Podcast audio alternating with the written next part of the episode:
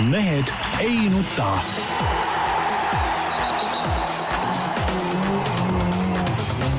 mehed ei nuta. selle eest, et mehed ei nutaks, kannab hoolt Unibet, mängijatelt mängijatele tere teisipäeva, Mehed ei nuta eetris nagu ikka. Tarmo Paju pelgalt Delfist. nii on. Peep Pahv Delfist ja Eesti Päevalehest. Päevalehest ja Delfist sama nali. ja Jaan Martinson Eesti Päevalehest, väga natukene ka Delfist ja siis veel lisaks ka igalt poolt. no need, kes kuulavad meid nüüd salvestatud kujul, tead, teadku, et me tegime saate alguse uuesti, kuna unustasin salvestusnuppu vajutada siin heli poole peal ja Peep ja Jaan muidugi kordasid täpselt samu nalju sõna-sõnalt, need no. olid neil ilmselt ette valmistatud juba. ei no aga inimesed, kes kuulavad salvestust, nad oleks muidu ilma nendest naljadest, noh. Sest et olgem ausad, ütleme otsekuulajaid, noh, ütleme, kuna me ikka päris raadios ei ole, on ikka vähe võitu, ma arvan, et inimesed kuulavadki järgi, ma arvan. sellepärast Rohkem. oligi vajalik ja, see täpsustus. täpselt, nii. nii, poliitikast on või? mul väga ei ole. no kuidas ei ole siis?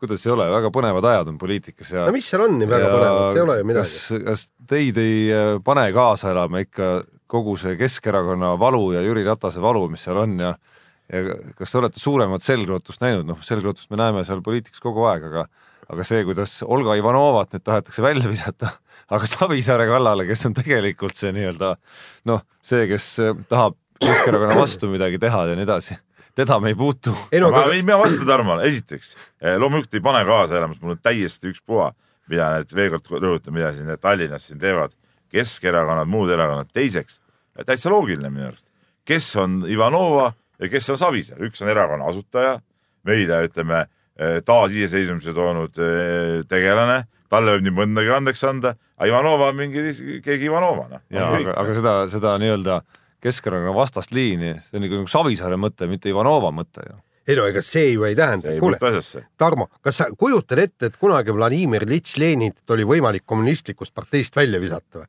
Ei, isegi pärast surma sai ta ju parteipileti number üks. no jaa, aga praktikas te saate ju aru, et teda ei juleta lihtsalt välja visata seal. mõtle, mis siis Vene valijad arvavad, kui me nüüd suure Edgari välja viskame.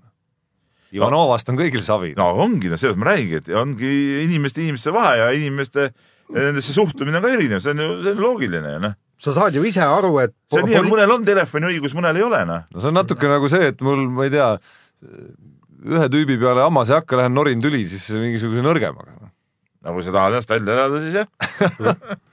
Ja Tarmo, sa saad aru ju, poliitika on pragmaatiline värk, sa tegutsed nii, et sa saaksid võimalikult parema tulemuse, et sa saaksid ikkagi selle piruka juurde. ja, ja, ja seal on ju kõik võtted lubatud, seal ei ole ju vaja mingit eetikat, mingit sihikindlust, otsuste, otsustuskindlust, mitte midagi ei ole vaja, peaasi, et saaks võimu juurde. no poliitikaminutite lõpetuseks ma soovitan lugeda kõikidel, see ilmus vist nädalavahetusel, Toivo Tänavsuu Ekspressi ajakirjanik kirjutas ühe poliitikateemalise kommentaari sellest, kui no kui mõttetu poliitika on, põhimõtteliselt oli selle loo moraal, soovitan lugeda, otsige üles ja ja tõepoolest siis siis tegelikult ei olegi rohkem sellest poliitikast rääkida. Nii, aga lähmegi päris asjade juurde. Lähme päris asjade juurde, räägime siis nüüd äh, Kaia Kanepist. eile õhtul siis äh, vägev mäng, jõudmine äh, US Openi veerandfinaali, vaatasin seda kohtumist, noh, ütleme niimoodi, hästi muljetavaldav oli oli kõik, et, et kolleegiga hakkasime suisa arutama, et, et kas me oleme üldse Äh, näinud Kaia Kanepit niivõrd äh, hästi mängimas ja siis äh, täna helistasin ühele tennisetreenerile ja, ja see küsimus võttis ka tema, teda kukalt kratsima kuigi ta ütles jah, et, et võib-olla emotsioonide pealt me, me vaatame, et see on jube vingelt mängib ja kõik, aga, aga tegelikult ikkagi parimatel päevadel mängis Kaia Kanepi, kui mitte paremini, siis vähemalt kindlasti sama hästi. No aga emotsioonid on ka õigustatud, sest et see on ju noh, ütleme ikkagi nagu, ikkagi ma ütlen, see on nagu pauk luuavarest, kuigi siin üks äh, Silver Karjus, üks tennise nii-öelda ekspert ja endine Kaia Kanepi treener ka ütles, et see nagu päris nii ei ole, aga noh, tegelikult see ikkagi, ikkagi on ju noh, seda ei osanud ju reaalselt ikkagi, ma arvan, keegi arvata, et ta nii kaugele jõuab ja, ja kui mõtleme seda, kas ta mängib oma aegade parimat tennist, kui ta on, on jõudnud oma karjääri parimate tulemustega samale tasemele, praegu neid veerandfinaali kohti tal on varem ka olnud, aga need on ikka üksikud karjääri jooksul olnud, siis, siis vähemalt samal tasemel peab ta ju olema. noh, iseenesest on ju loos ka natukene soosinud Kanepit kindlasti sellel teekonnal, et ta ei ole ühegi asetatud mängijaga ta ei ole pidanud ikkagi nagu päris tippudega aga seal mängima on, tema eest on likvideeritud asetatud mängijaid ju. no absoluutselt, aga noh, mis ei kahanda absoluutselt karvavõrdki seda saavutust, et et ilmselgelt äh, on Silver Karjusel õigus ka, kui ta ütleb, et noh, ega oskused ju otseselt kuhugi ei kao. et mul on nagu kõige suurem hea meel selle Kaia Kanepi suure comeback'i juures minu arust selle üle, et ma mäletan seda aega, kui kui Kanepi ütleme noh, oli mingis mõttes nagu hääbumas. Ja isegi tenniseringkondades kä- käisid, olid, oli inimesi, kes käisid ja rääkisid ja, ja mõtlesid, et et kuidagi Kaial on motivatsioonikriis ja jätsid nagu mulje sellest kui sellisest nagu noh, et see on nagu tühjast tulnud, et nüüd on, nüüd see tagasitulek minu arust on kõik asja nagu õigesse konteksti pannud, et ta oli lihtsalt nii vigane kogu aeg, et see, et noh, sellise nagu sellises, sellises vormis ei olegi võimalik nagu nautida seda tennisemängu ja seada mingeid suuri ambitsioone endale, kui sa läbi valu teed seda kõike. et nüüd, kui see kõik on nagu üle läinud, vaatasin just tööle sõites, me kohale jõudes siis äh, jalutades pärast, vaatasin äh, seda pressikonverentsi, inglisekeelset pressikonverentsi, noh, äärmiselt pingevaba, õnnelik, samas ka selline noh, mitte ülemäära muretsev Kaia Kanepi, ei olegi nagu sellist näinud, noh, ainus, mis oli vana tuttav Kaia Kanepist, oli see, et suhteliselt kinnine, nagu ta kogu aeg on olnud, isegi ka välismaa ajakirjanikele vastates. ja öö, öö, jällegi tennisetreeneriga juttu puhudes on üks väga huvitav öö, asi koorus välja, et, et öö, kas Kaia Kanepi, okei okay,, ta on mänginud paremini kui praegu, aga kas ta on väljakul liikunud paremini? Ja vot see on nüüd tõsine küsimus, kusjuures ta on olnud kindlasti paremas füüsilises vormis aga, aga nii, nii hästi ja nii kindlalt, tähendab põhimõtteliselt ega teda nagu väga sealt eh, eile väljakult välja ei surutud ja, ja ta suutis kogu aeg domineerida ja, ja oma eh, nii-öelda taktikat peale suruda. ja, ja siin võiski olla see, et enne, varem siis olid tõesti need kannad ja jalad olid sedavõrd valusad eh, või siis kasvõi see va- valu võis olla kuskil alateadvuses, et ta ei julgenud nii, nii hästi liikuda, aga praegu on küll noh, ma, ma ei, ma ei tea, mis siit edasi üldse saama hakkab. no mis sa nüüd arvad, et mis ikka edasi saama hakkab, no ütleme, ta on oma selle tippleveli nüüd saavutanud, noh, nüüd on, tuleb uus mäng homme. jah, no kui ta seal kaotab, kas me võime oodata, Jaan, sina oled nii-öelda meil tenniseekspert, nii-öelda tenniseekspert, kas me võime oodata, et, et ta nüüd jääbki sellele tasemele või on see ikka üksik sähvatus ainult? üldiselt vaadates tennisistide siukseid neid, neid imeedulugusid, siis tihtipeale need ikka käivad väga üles-alla, noh. et, et varemgi on okei okay,, päris kvalifikaast nüüd nii kaugele tihtipeale ei jõuta, aga mingid madala asetusega mängijad on jõudnud öö, kõrgetele kohtadele ja siis järgmisel turniiril langevad kohe esimeses öö, ringis välja, et, et, et mis, mis nagu kindlustab seda, et see Kaia jääbki sellele tasemele? no ma ei ole kindel, et, et sellele tasemele nüüd liiga pikaks ajaks jääb, tal on ikkagi vanust ka ikka kolmkümmend kaks, aga ma, ma arvan, et ta ei, ma räägin isegi sellel, nüüd järgmise turniire silmas pidades no ütleme niimoodi, et, et kui palju ta üldse mängib, sellepärast et ma pärast ühte mängu intervjuus äh,, intervjuus Kalepi nagu ütles, et nüüd tuleb targalt tegutseda nagu Federer, et, et mängida vä- vähe turniire, aga proovida neis olla edukad. ja, ja sellest, sellest ju sõltubki väga palju, et, et mida ta mängib, kui, kui heasse vormi ta suudab ennast äh, nendeks mängudeks ajada, kui palju tal on motivatsiooni, no selge see, et, et US Open seal, seal sa tahad kindlasti võita, kuigi ta ju äh, alustas oma tagasitulekut ju Halle turniirist, see oli, see oli vapšee mingi kahekümne viie tuhandene vist, kus ta võitis, võitis kõik mängud, eks, et seal oli motivatsiooni küll ja veel. samas ei näe nagu mingit põhjust, miks tal ei peaks sellises vormis, eriti veel nüüd turniire natukene paremini valides ja kui ta tõuseb tabelis, siis tal tekib võimalus neid nagu päriselt ka valima hakata. Et ei ole sellest reitingust enam sõltuv kuidagi. et, et, et miks tal selles faasis peaks nüüd uuesti ja väga kiiresti mingi motivatsioonipuudus tekkima? ei, ma ei räägi motivatsioonipuudust, ma räägin, et kas tema tegelik tase ongi nüüd selline või eh, on see lihtsalt nagu selle ühe turniiri sähvatus, see on nagu minu jaoks nagu kõige suurem küsimus. no kogu sa selle eufooria kõrval. vaata siin, siin saabki ta noh, nagu ta on ise mitu korda jälle intervjuudes maininud, et ta on noh, nagu vaimult vaba, et tal, ta ei sea endal mingeid eesmärke, vaatame, kuhu jõuab. eile mängus, kui oli teises setis äh, neli-kaks juhtis, oli see pikk vist kolmteist minutit äh, kestnud game, et seal äh, jäi ühel hetkel nagu äh, kummitama see, et, et Kaia hakkas äkki mõtlema, et ahaa, ma võidan ära ja, ja vaat mis, mis siis edasi kõike saab ja, ja sa kaotaski selle game'i ja kuidas, kuidas see nüüd vaim vastu peab?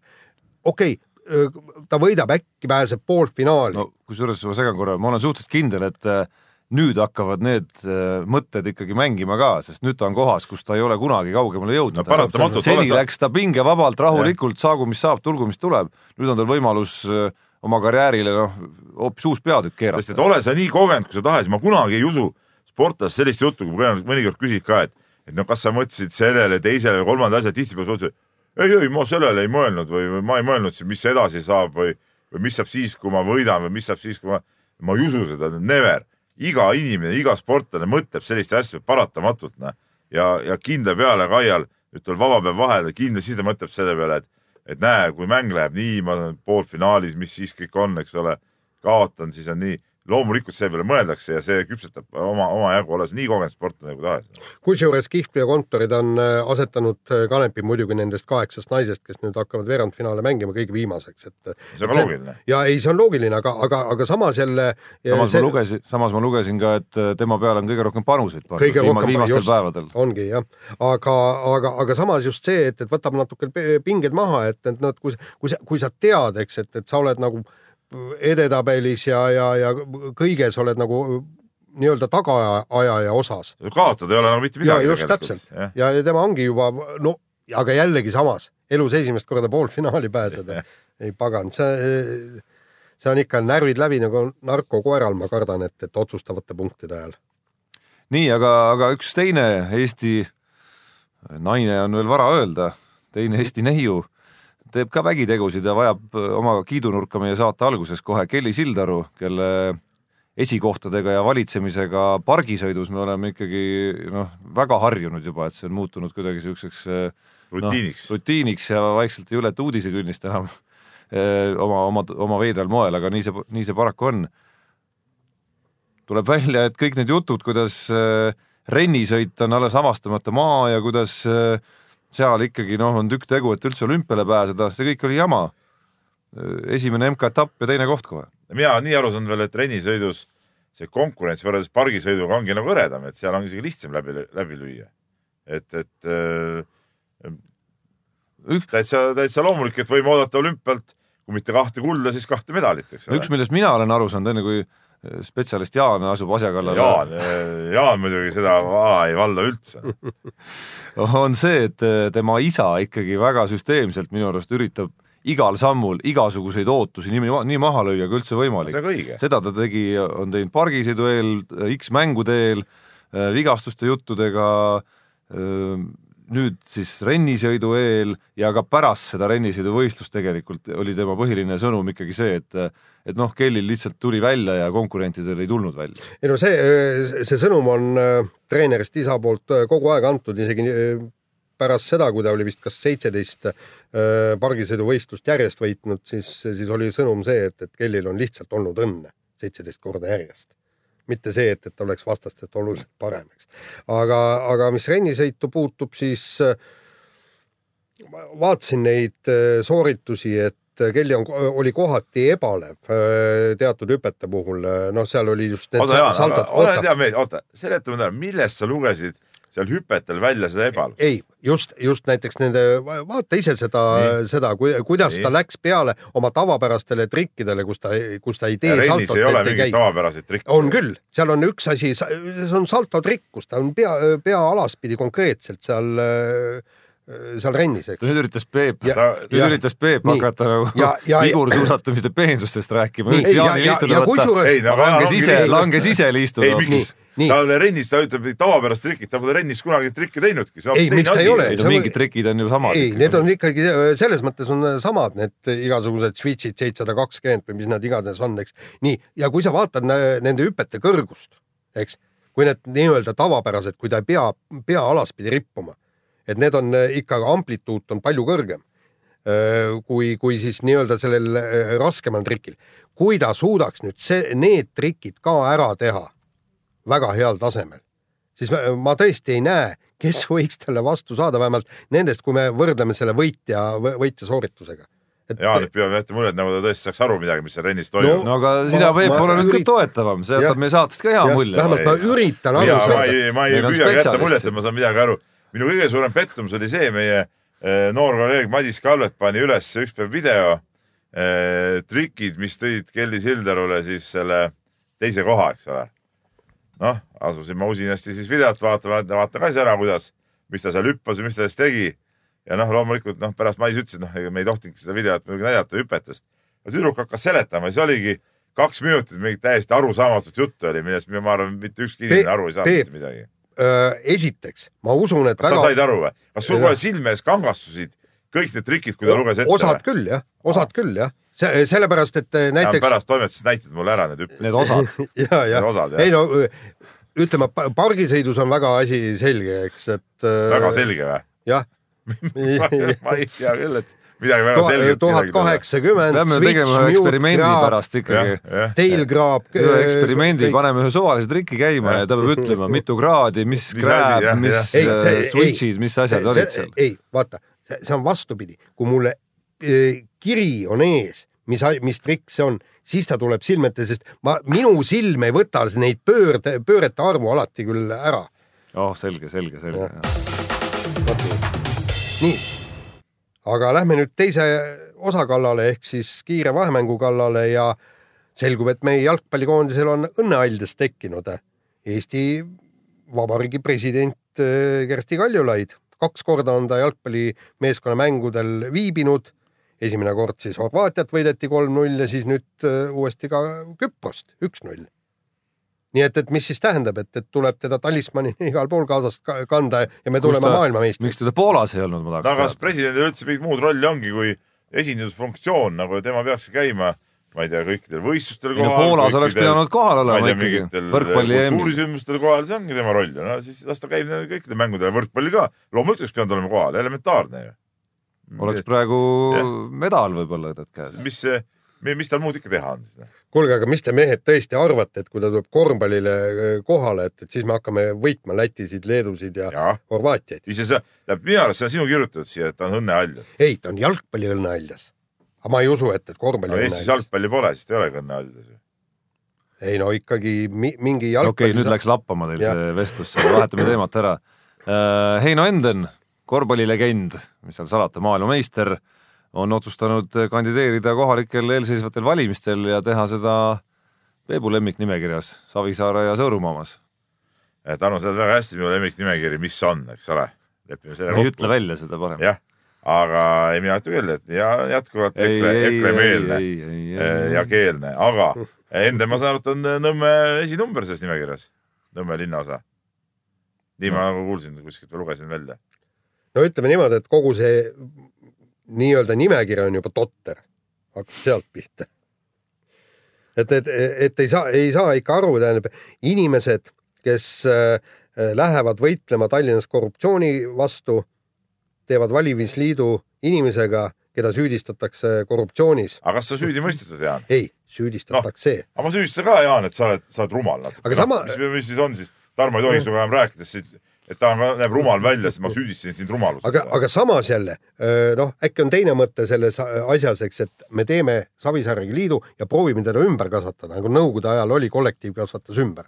ei no mina see on sama tähendab, minu arust see on sama see- loogika, kui ja, Peebuga hakata siin mingeid ümberkasvatamise juttu Ei, rääkima, no see on ei täpselt sama lootusetu. minu arust kogu see Aplava, näiteks seesama Endeni eh, seal nimekirjas olemise ümber, on minu jaoks täiesti arusaamatu. Polegi mingit aplaavat. ei no, no, no miks ta siin meil siin on, sa suhtusid halvustavalt, mulle tundus Tarmo sellesse asjasse, Jaan samamoodi. kuidas alustada? ma ütlesin, sinu lemmiknimekirjas kandideerib. sellest me ei räägi praegu ja Jaan ka kuidagi ironiseeris. kuule, mehel, inimese poliitilised vaated on vabad. tahab olla seal, las ta olla, no mis siis on siis, noh.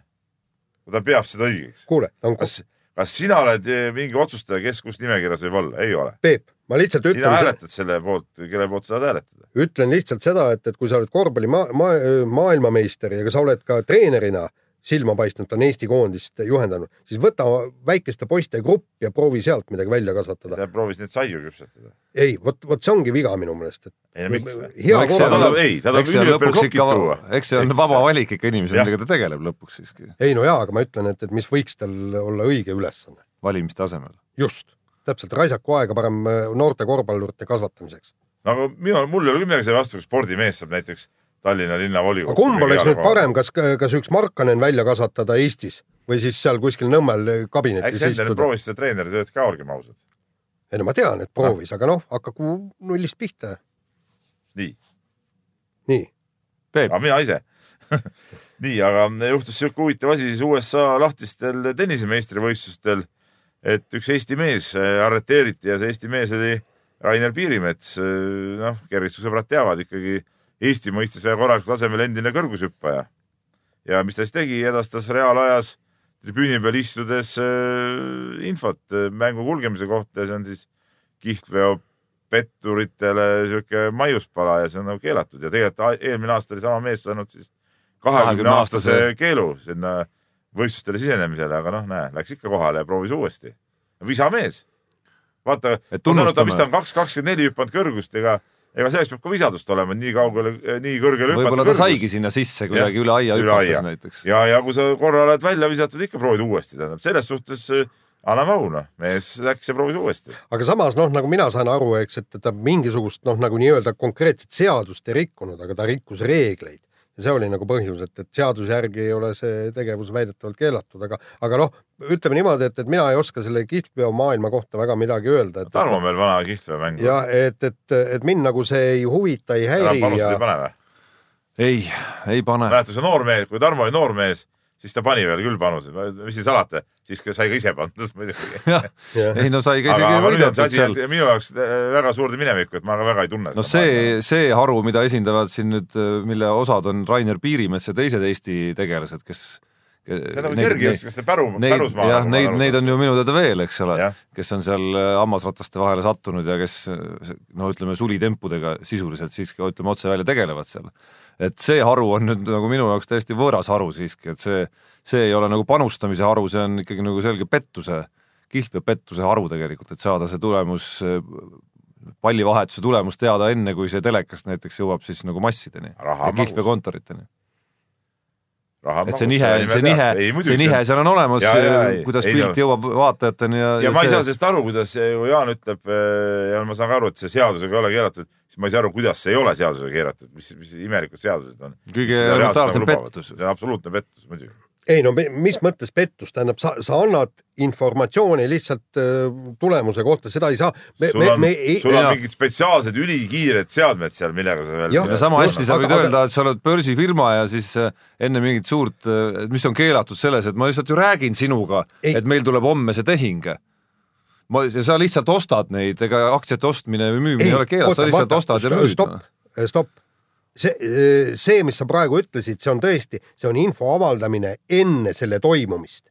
aga tennisemängul sa ju edastad infot pärast selle toimumist. ja, ja aga omas taustas, omas taustsüsteemis on see ikkagi ilmselge pettus. ei no jaa, aga nagu ma sain ikkagi aru, et, et no riiklikes, kas Eesti seadustega on see keelatud või ei ole? ei vist mitte. no vot, nii, aga võtame järgmise teema ja räägime äh, võrkpallist ja meie võrkpallilegend Argo Meresaar äh, peatselt ilmuvas raamatus äh, Aavo keelest Eesti võrkpallist, mida meie äh, hea no kolleeg Märt reporter Märt Roosna teeb jah. jah, ja mis on äh, valmis, siis seal raamatus ta rääkis äh, Venemaa äh, võrkpallikoondise Euroopa meistriks tüürinud Sergei Šljapnikovist äh, õuduslugusid ja, ja näeb õudusunenägusid. siiamaani kus. siiamaani ja kusjuures noh, kõige hullem unenägu temal olevatki see, eks, et kui ta öösel äh, näeb, et ta on jälle sinna Ve- Venemaa, mis satsi ta äh, Jaroslavi Neftjannik. Neftjannikusse ja siis, et, et suure ehmatusega ärkab, et ja siis noh, õnn, et tegelikult le lebab voodis, et, et vend, vend ikka tähendab, kui sa kehvalt mängisid, kui hästi mängisid,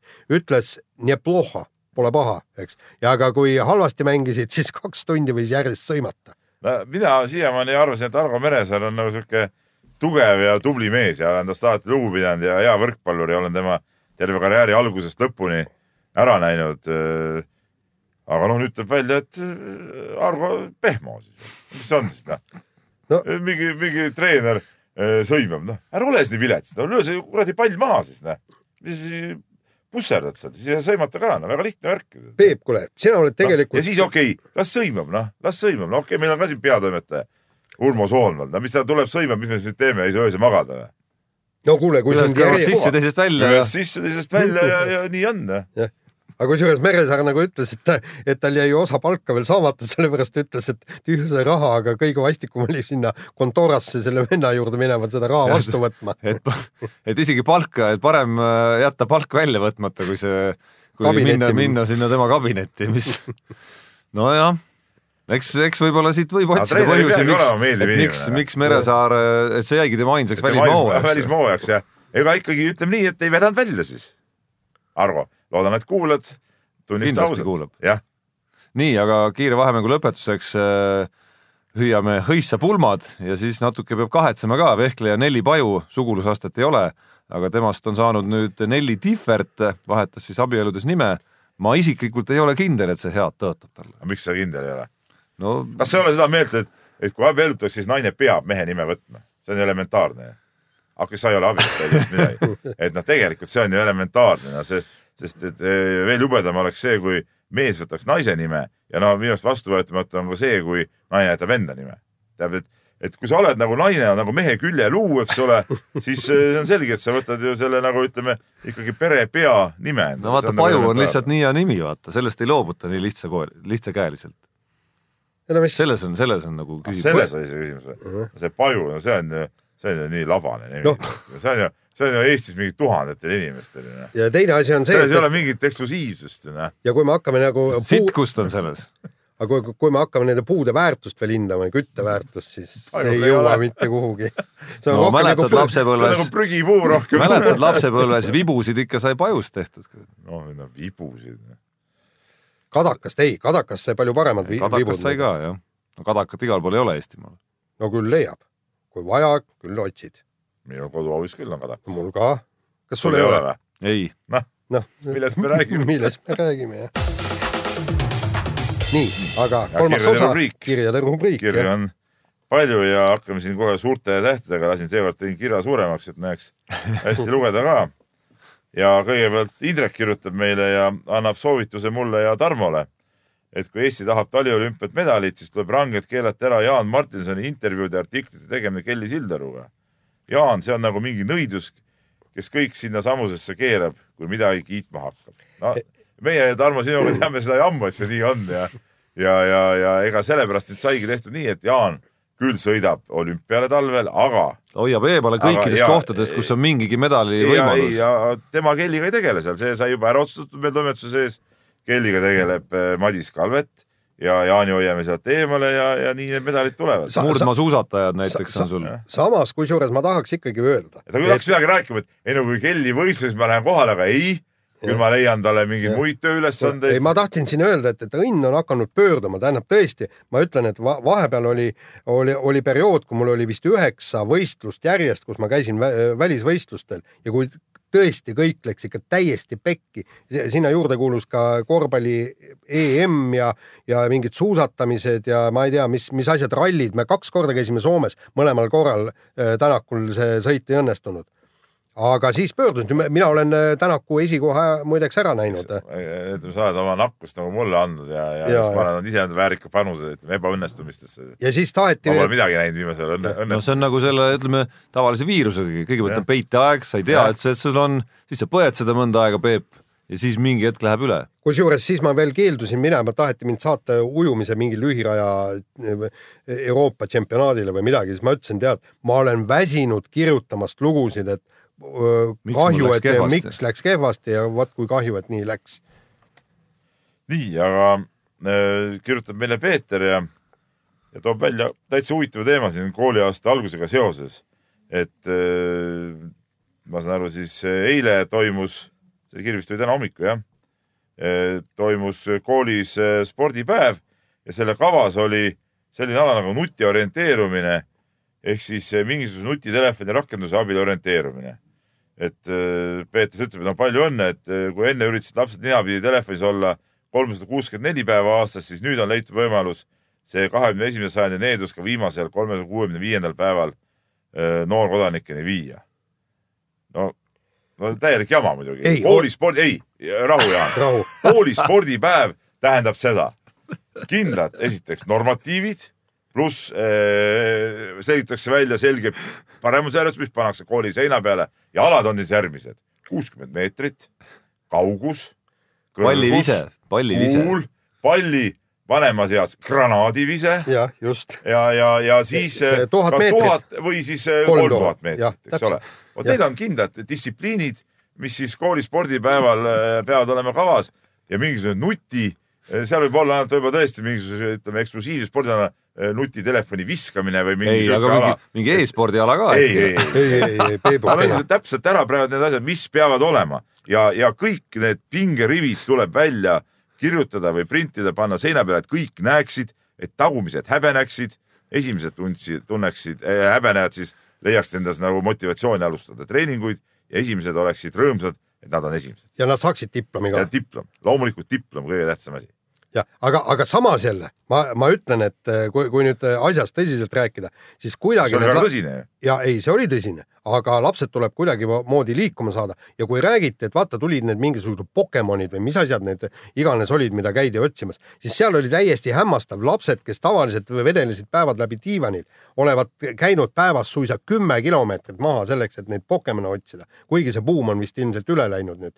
aga, aga kui mobiiltelefoni mingi rakendus paneb lapsed liikuma, siis äh, pea, olgu, olgu ei see siis, ma ei moda tee siin mingeid mööndusi.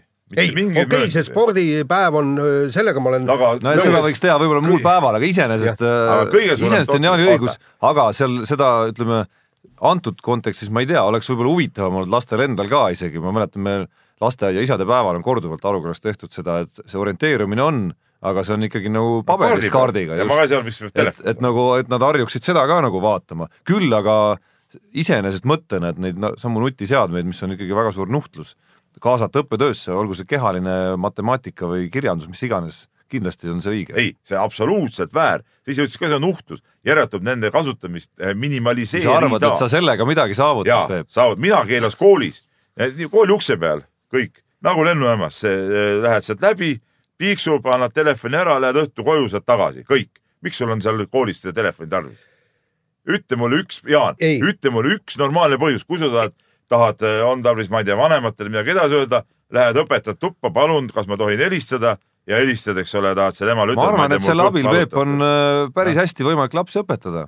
Eh, Tarmo, vot siin ma ütlen niimoodi, mobiiltelefon ära, aga igas klassis või iga, tähendab, annad mobiili ära ja saad vastu tahvelarvuti. nojah, Me- me- kus sa saad ei no Aga- tunnis seal ja, Jaa. aga ei ole vaja, et need vahetunnis seal Just. oleks kohe näppudi küljes. just ja vahe, vahetunnis tegelikult, mis tuleks, tulekski see wifi signaal Maha. maha võtta. Täiesti no sellest on vähe, see noh, ei no see wifi signaal ei, no, mina ikka keelan seda, 4G-d ja telefonid ära 3G-d korjata. segajad peale siis ei no just, segajad peale ei jah. no või telefonid ära korjata. see on, see oleks, see oleks nagu kõige õigem. telefon sest võetakse ära segaja ka ei aita sest nad tõmbavad mingid mängud, nad telefoni mängivad ka ilma selle internetita neid mänge. just, telefon võetakse ära ja tahvelarvuti antakse pihku. selle saad klassis, noh. ja ei, ei no vot. siis ongi, lähed selle arvutiga klassist klassi. nii, ja nii peaks olema, noh ja mis, mis on naeruväärne veel see, kui me räägime päris spordipäevast, ma vaatan siin no öö, oma poisi koolis, okei okay,, nüüd on seal meil ilus staadion ka, ma kohe huviga ootan, kui tuleb spordipäev, et kas nüüd nagu päris spordipäev ka üle tagasi tuleb. seal nagu tükk, mitu aastat nagu päris spordipäeva nagu ei olnudki, eks ole, olid, olid öö, ka mingid, mingid naljaüritused, vanasti nii, et spordipäeval tunde polnudki, eks ole, see oligi Jah. ikkagi ju, see oli No nagu, see oli nagu, ikka nagu aasta Sparta- üks nagu. Spartakiaad, see oli ikka üks Jah. nagu öö, tipphetke loomulikult, tead näe. õpetajad mõõtsid seal ja ja, ja. Vanad mammsed olid seal kõik ja olemas, aga noh, ei midagi. et selles suhtes jah, ütleme, tuleks, tuleks ikkagi jääda ikka päris spordi juurde. aga siin on üks huvitav kiri on veel ka maadluse teemadel, me siin eelmine saade kritiseerisime seda maadlust, et eks üks, üks tuiamine ja pusimine on ja, ja siin on meile saadetud em, ütleme vana maadleja poolt eh, väike, väike kiri ja tähelepanek, et eh, jah, et te räägite õiget juttu, aga see puudutab kõik Kreeka-Rooma maadlust. et, et see soovite meil vaadata vabamaadlust, et seal on ikka peale nügimisega igast muud tegevust ja, ja isegi see puudutab isegi raskemaid, raskemaid kaalusid, et, et tõepoolest, aga vabamaadlus ongi tegelikult see õige maadlus, kus ikka käib ikka võtete kaskaad, ütleme niimoodi no jällegi jälle, ta on nagu natuke jälle uuem aja, aga ütleme, seda on huvitav vaadata, see on õige maadlus. jah, ja naiste maadlust on tõesti huvitavam vaada- vaadata kui Kreeka-Rooma maadlust. noh, olgem ausad, naiste maadlus muidugi esteetiliselt ei ole väga nauditav. ma ei suuda muidugi uskuda, mida mida mu kõrvad kuulevad siin praegu, et Kre-, Peep võtab sõna Kreeka-Rooma tõeliselt kõige klassikalisema maadlusstiili vastu. Enne, enne sa ei pannud ise tähele, käis sinu äh, äh, lausest läbi inglisekeelne väljend, kusjuures sõna never kasutas ta lause sees, kusjuures ei ole kuulnud seda ja mida ise pole kuulnud, seda pole olnud. no kuulame pärast üle. aga ütleme nii, et eh, klassikaline maadlus, Kreeka-Rooma ongi nagu nõme nimetus, vanasti oli klassikaline vabamaadlus. See on ära rikutud ju noh, see sellesama nende uute reeglitega no.. just täpselt, kui seal oleks niimoodi, oleks need vanad reeglid, oleks ainult selle et poolt. maal tä- täpselt nii kaua, kui teise mehe Ja- ja õlad matile, noh. õlad matile, ma või, ma või, või, si- või siis võtad punktivõidu. minu arust see punktidega jama, õlg matile, niikaua kui sa, ei no okei okay,, ei tee ühtki võtet, siis tuigud, tuigud seal lõpuks ikka üks ära kukub. no just. nii, aga lähme teemadega edasi nüüd.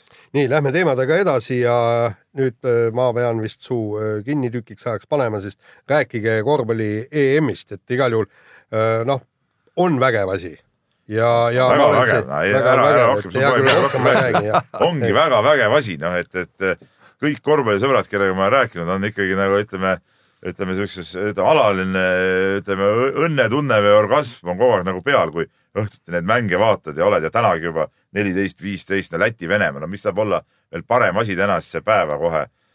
noh, töö, me saame alati töö taga pugeda, et töö pärast peame vaatama ka seda mängu, nii et noh, see on ju vaimustav tegelikult.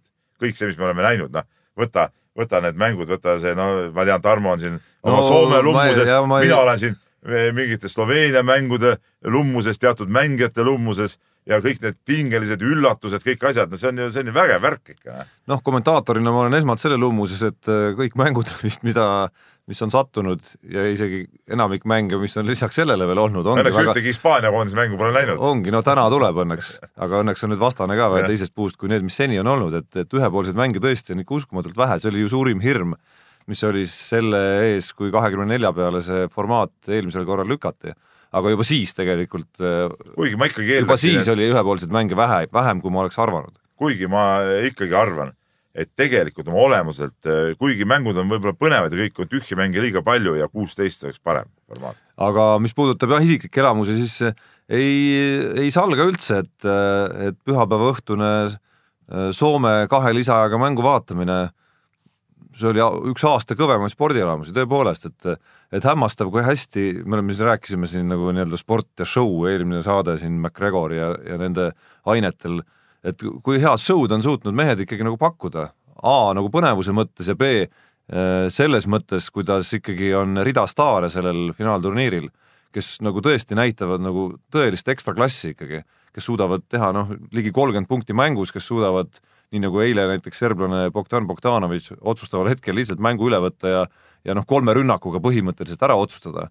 et eh, noh, see on nauditav. ei, see on absoluutselt nauditav ja, ja, ja mis on veel nagu huvitav, ma olen küll alati olnud suur vanameistrite pooldaja ja no vanameistrid panevad ka kõvasti, võtame kasvõi Pau Gasooli, noh eile ta küll puhkas, aga kahes esimeses mängus ju, ju suurepärased näited, aga aga see noorte staaride, kellest siin ka palju sai räägitud ja, ja, ja kirjutati enne, enne EM-i, et need ikka mõned noored on ikka tõesti vingelt eh, peale tulnud, no võtame sama see soomlase, eks ole, Markaneni kahekümne aastane, noh tõesti, no meeskonna ilmselge liider, eks ole, või seesama see, no minu äh, suur lemmik, see Luka Dontšis, kes ikkagi kaheksateistaastased ka, no, no ütleme ilma temata seda Sloveenia koondist, noh ei ole, ei kujutagi ette, eks ole, ja selle vanameister Dragitšiga moodustavad nagu ikka, ikka väga, väga vahva, vahva paari, et, et need on nagu, nagu uhked asjad ja see Türgi koondise see, see noor mees. no seal on kaks tükki neid. Osman ja Korkmaz no, no Korkmaz. 20. jah, kakskümmend, Osman on kakskümmend mingi jah,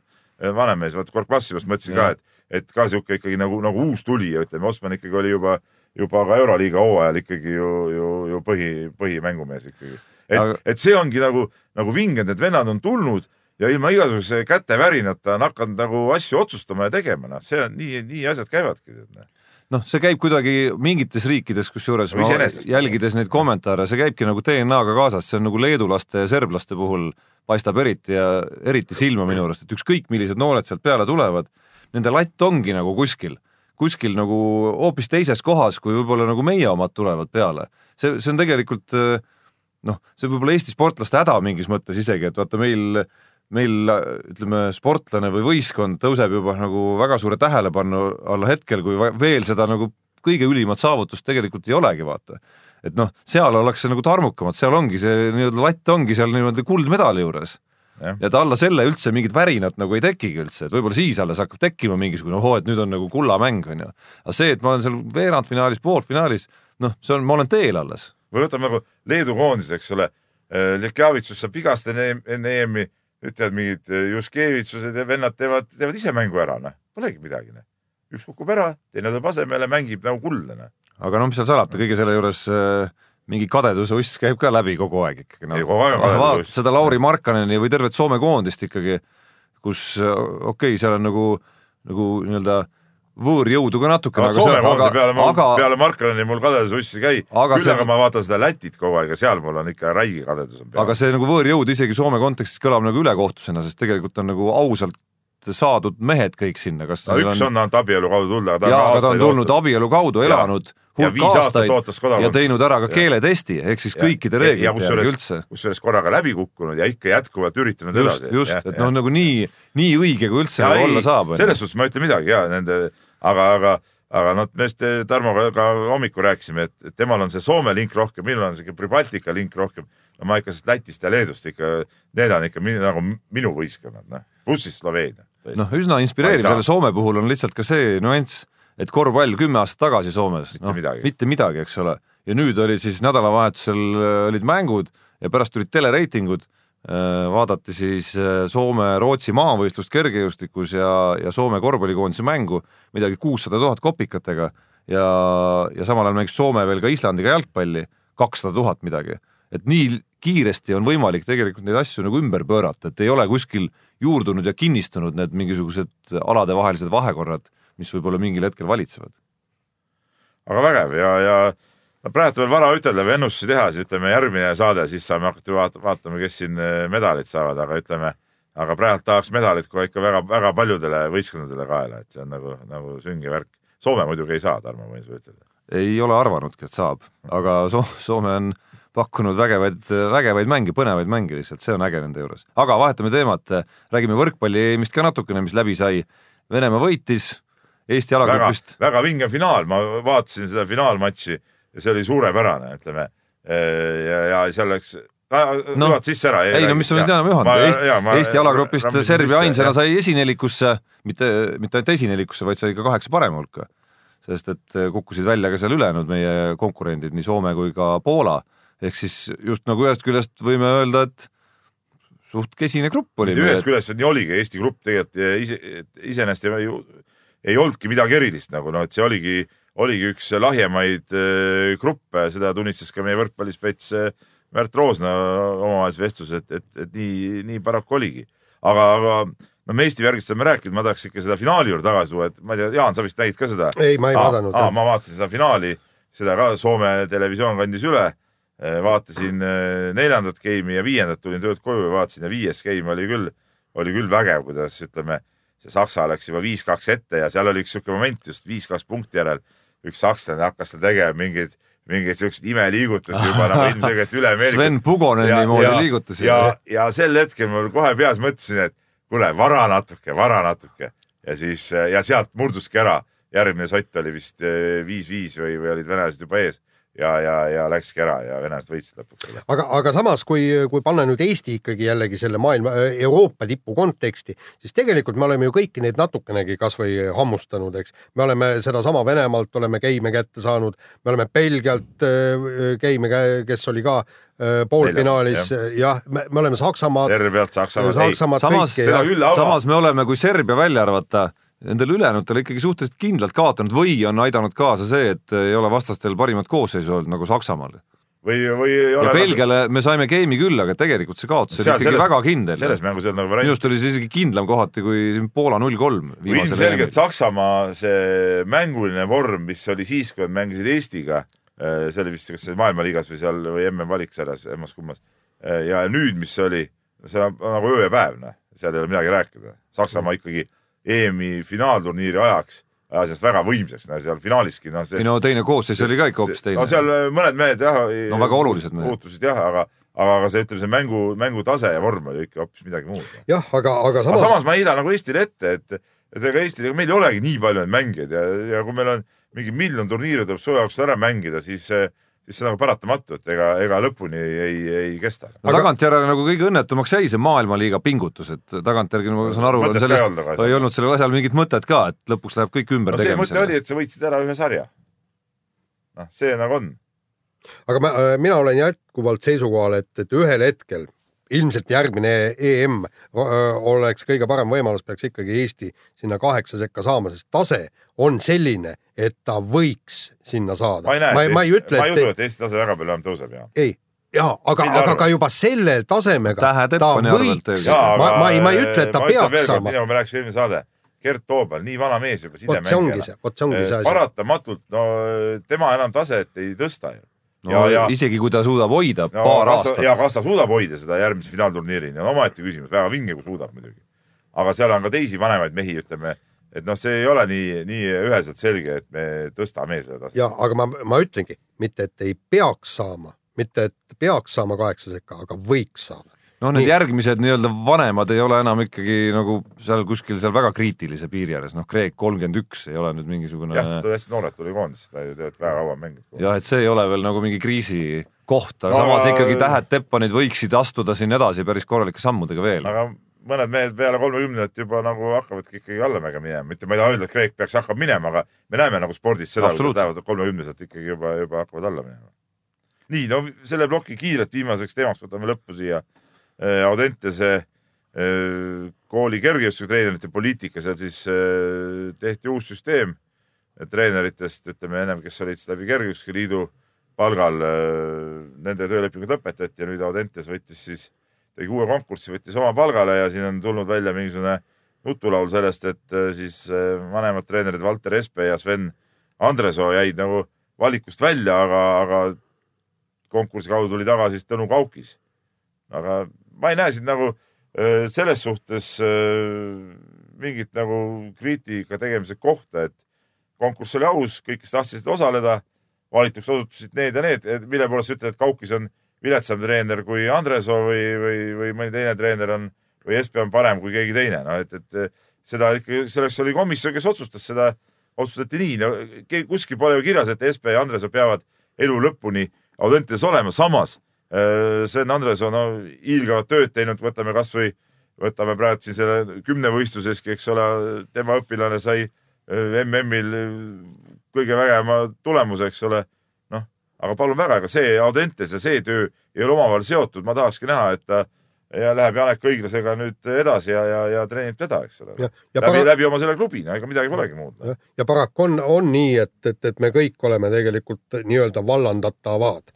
eks, et äh, homme päev võib mulle ka öelda, et, et vabandada, sa oled hea ajakirjanik, aga lõpetame töösuhte, et, et no põhiküsimus on ikkagi, mille, millest peaks rääkima või millele mõtlema või arutama, et kas Audentese, Audenteses treenivad kergejõustiklased on nüüd hästi treenitud selle kollektiiviga No- kes sinna nüüd treenima jääb? vaata, seal ongi see no me ei see, tea seda ette, et kas see on. ei no ei, seda hinnata on võimalik siiski. ei, kuidas, no mina ei julge küll öelda. Või arvata, ütleme siis. enamus treenereid jäid ju paika, eks ole, seal oli paar, paar vahetust ja Tõnu Kaukis ka oli ju ennem Audentese treener, vahepeal ta sealt äh, pidi lahkuma. nüüd ta on seal tagasi. no mina hindan ka Kaukist, ütleme teatud asjades ikkagi ta ju on teinud head tööd, kuigi ütleme no, temalt nüüd noh, mingeid väga tippmehi ei ole otseselt välja tulnud. noh, ütleme, ütleme nagu see on nüüd nagu suhtlemise teema rohkem, aga ütleme, kui ma lugesin neid lugusid Õhtulehes, siis ega nagu väga hästi seletada seda loogikat või vahetuste loogikat Audentes inimesed ise ei osanud minu arust. ei no oli konkurss, ei no konkurss küll, aga rääkida selle juures siis mingist nagu äh, ütleme nagu uute tuulte ja nooruse sissetoomisest, siis noh, Tõnu Kaukis seda ei esinda no,. nooruse all on mõeldud seal, oli mõeldud sprinditreenerid, kes Valter Espe asemel pidi tulema, aga temaga ei olnud veel lepinguni äh, jõutud, ta oli välja valitud, aga tingimusteks läbirääkimised ja, ja minu arust see siiamaani ei ole päris lukus. Et see on küll noorem mees. ja aga seal on kogu probleem on see, et, et Audentesest ei tule väga häid kergejõustiklasi ja see, seal on probleem on ka selles, et sinna ei lähe õppima meie tipud. see on see üks küsimus, et no ütleme, meil tuleb palju tippe tuleb Tartust, neil ei olegi põhjust minna sinna. Mis No nad just. peaks sinna Audentesse minema, kui neil on Tartus kõik tingimused olemas no aga head treenerid, head baasid, kõik võimalused on olemas, mis Audentest rohkem on. ja ei muidugi jah, ja, ja samas on Tallinnast, Rakverest on tulnud ja, ja igalt poolt, et, et, et tegelikult see ongi probleem, et eh, noh, aga okei okay,, see on hoopis teine teema, et eh, mida arutada. et ma ütlen, et, et eh, praegu nagu ette rääkida, et see vahetus oli vale, on nagu noh, ei ole nagu õige. seda me saame hinnata hiljem alles, takkajärgi. nii, aga viimane teema ja nüüd siirdume jalgpallimanu. et äh, mm valiksarjas siis Eestil võimas viik Kreeka vastu ja siis ko- kodus tehti Küprosele viimase minutiga tuul alla kenasti üks-null ja Kreeka üks null-null viik, et äh, noh, kui ma oma arvamuse välja äh, ütlen ja just selle Kreeka mängu kohta alguses, siis, siis ma nagu ei saanud sellest aru, et, et kui kõik hõiskasid, et, et see on vägev tulemus ja võimas tulemus ja väga hea viik, siis äh, ma hakkasin vaatama tabeliseisu ja selle viigiga me sisuliselt võtsime endalt võimaluse jõuda MM-finaalturniirile et ühesõnaga, mis meil nüüd Eh, Jaan, kas kuskil oli sul see nagu see mõte veel, et Eesti veel mängib nagu finaalturniiri koha eest? ei, aga, aga võimalus oli. segast. selles suhtes oled täielikult segast, et Kreeka on ju tasemelt meist nagu tugevam võistkond. No. olgem ausad, noh. Ja võõrsil riikide endast tugevam vastu viiki on minu arust väga-väga okei okay.. Peep, kuule, siin ei, olegi midagi rääkida. see ei mind nagu üldse häirinud, seal võis nagu isegi võis rõõmustada küll ja see oli, see oli äh, täitsa tubli saavutus, küll mind natuke nagu pani äh, muigama äh, meie hea, heade kolleegide äh, Tarmo Tiisleri ja, ja, ja muude ERR-i tegelaste kommentaarid, kui võideti seda Küprost, siis äh, ma olin just lõpetanud äh, korvpalli Leedu-Itaalia mängu vaatamise, vaatasin siis viimased kümme minutit seda jalgpalli ja, ja, ja sihuke mulje jäi, et äh, Jaani käest pärast küsisingi, et kuule, et kas võitsime mingi MM-medali või mis nüüd juhtus? no võitsime endast maailma edetabeli sees olevat meeskonda. tegelikult olgem ausad, Tarmo, see teeb tegelikult sama välja, kui Eesti mängis Küprosega korvpalli ja, ja me peale võitu ütleme nüüd räägiksime tõesti nii, nagu me oleksime tulnud maailmameistriteks. Päris nii see nüüd ei olnud, võita muidugi tore. Mul on tunne, et see tõrge- aga emotsioonil, emotsioonil nagu, nagu peaks ikka mingisugune vahe nagu olema ja võidul ja võidul on ka vahe. mul on tunne, et see on nagu tõrge vale asja vastu, et noh, sa protestid selle emotsiooni vastu, mis oli selle nagu, nagu nii-öelda toreda jalgpalliõhtu lõpetuseks, noh. see on midagi toredat ja see oli üks, nii palju kui ma nägin, kümme minutit puterdamist Kuule. ja siis tõesti see värav oli ilusti löödud, viimasel minutil lüüakse võiduvärav Noh., on see alati emotsionaalne. nõrga vastase vastu. no endast tugevama ju. FIFA- FIFA reitingu järgi. reiting ei ole mingi näite, olgem ausad, no ütleme, suures plaanis, suures plaanis endasuguse vastase vastu Noh..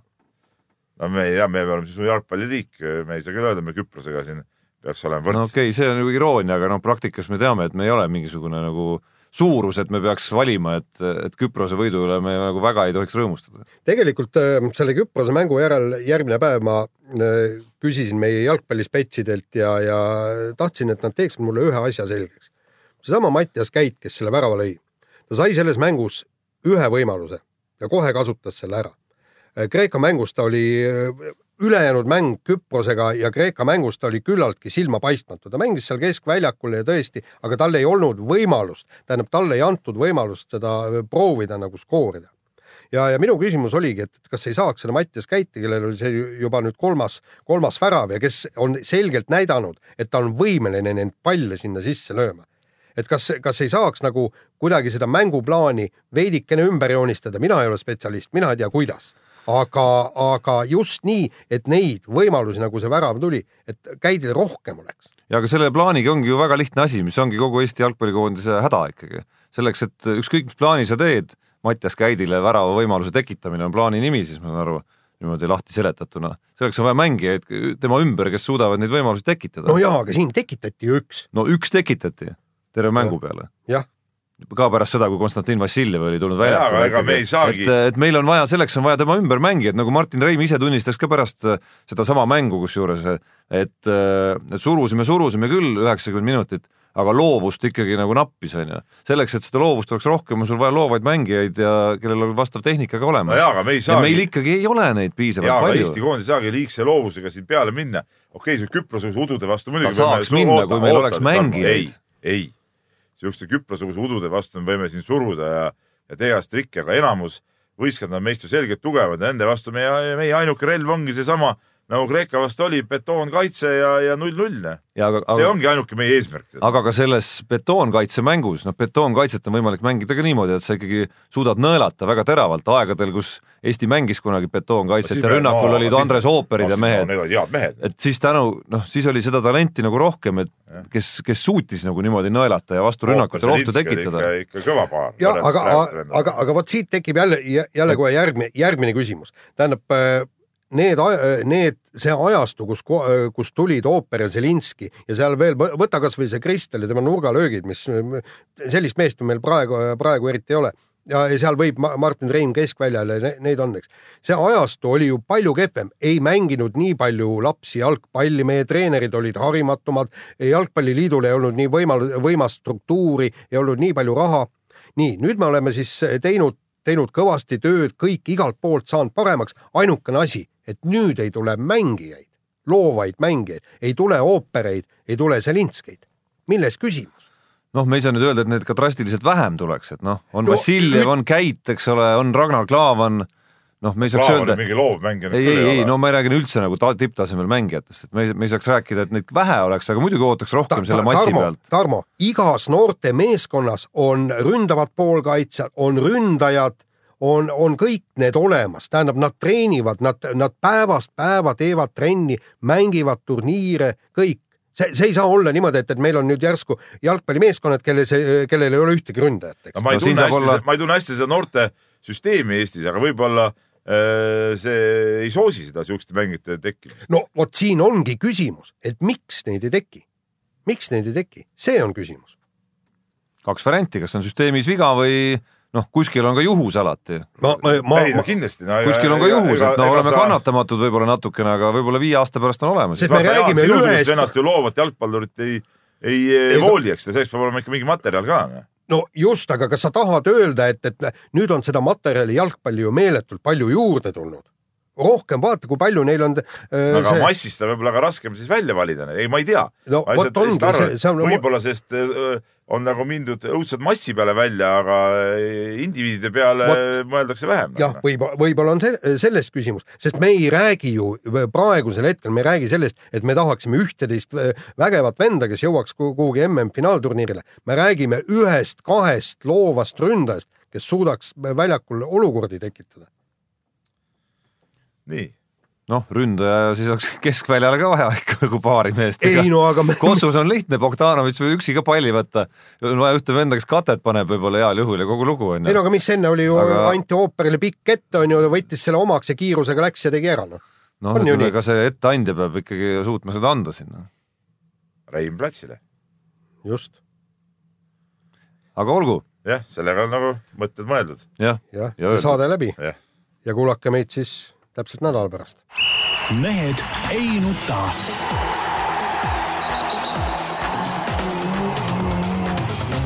mehed ei nuta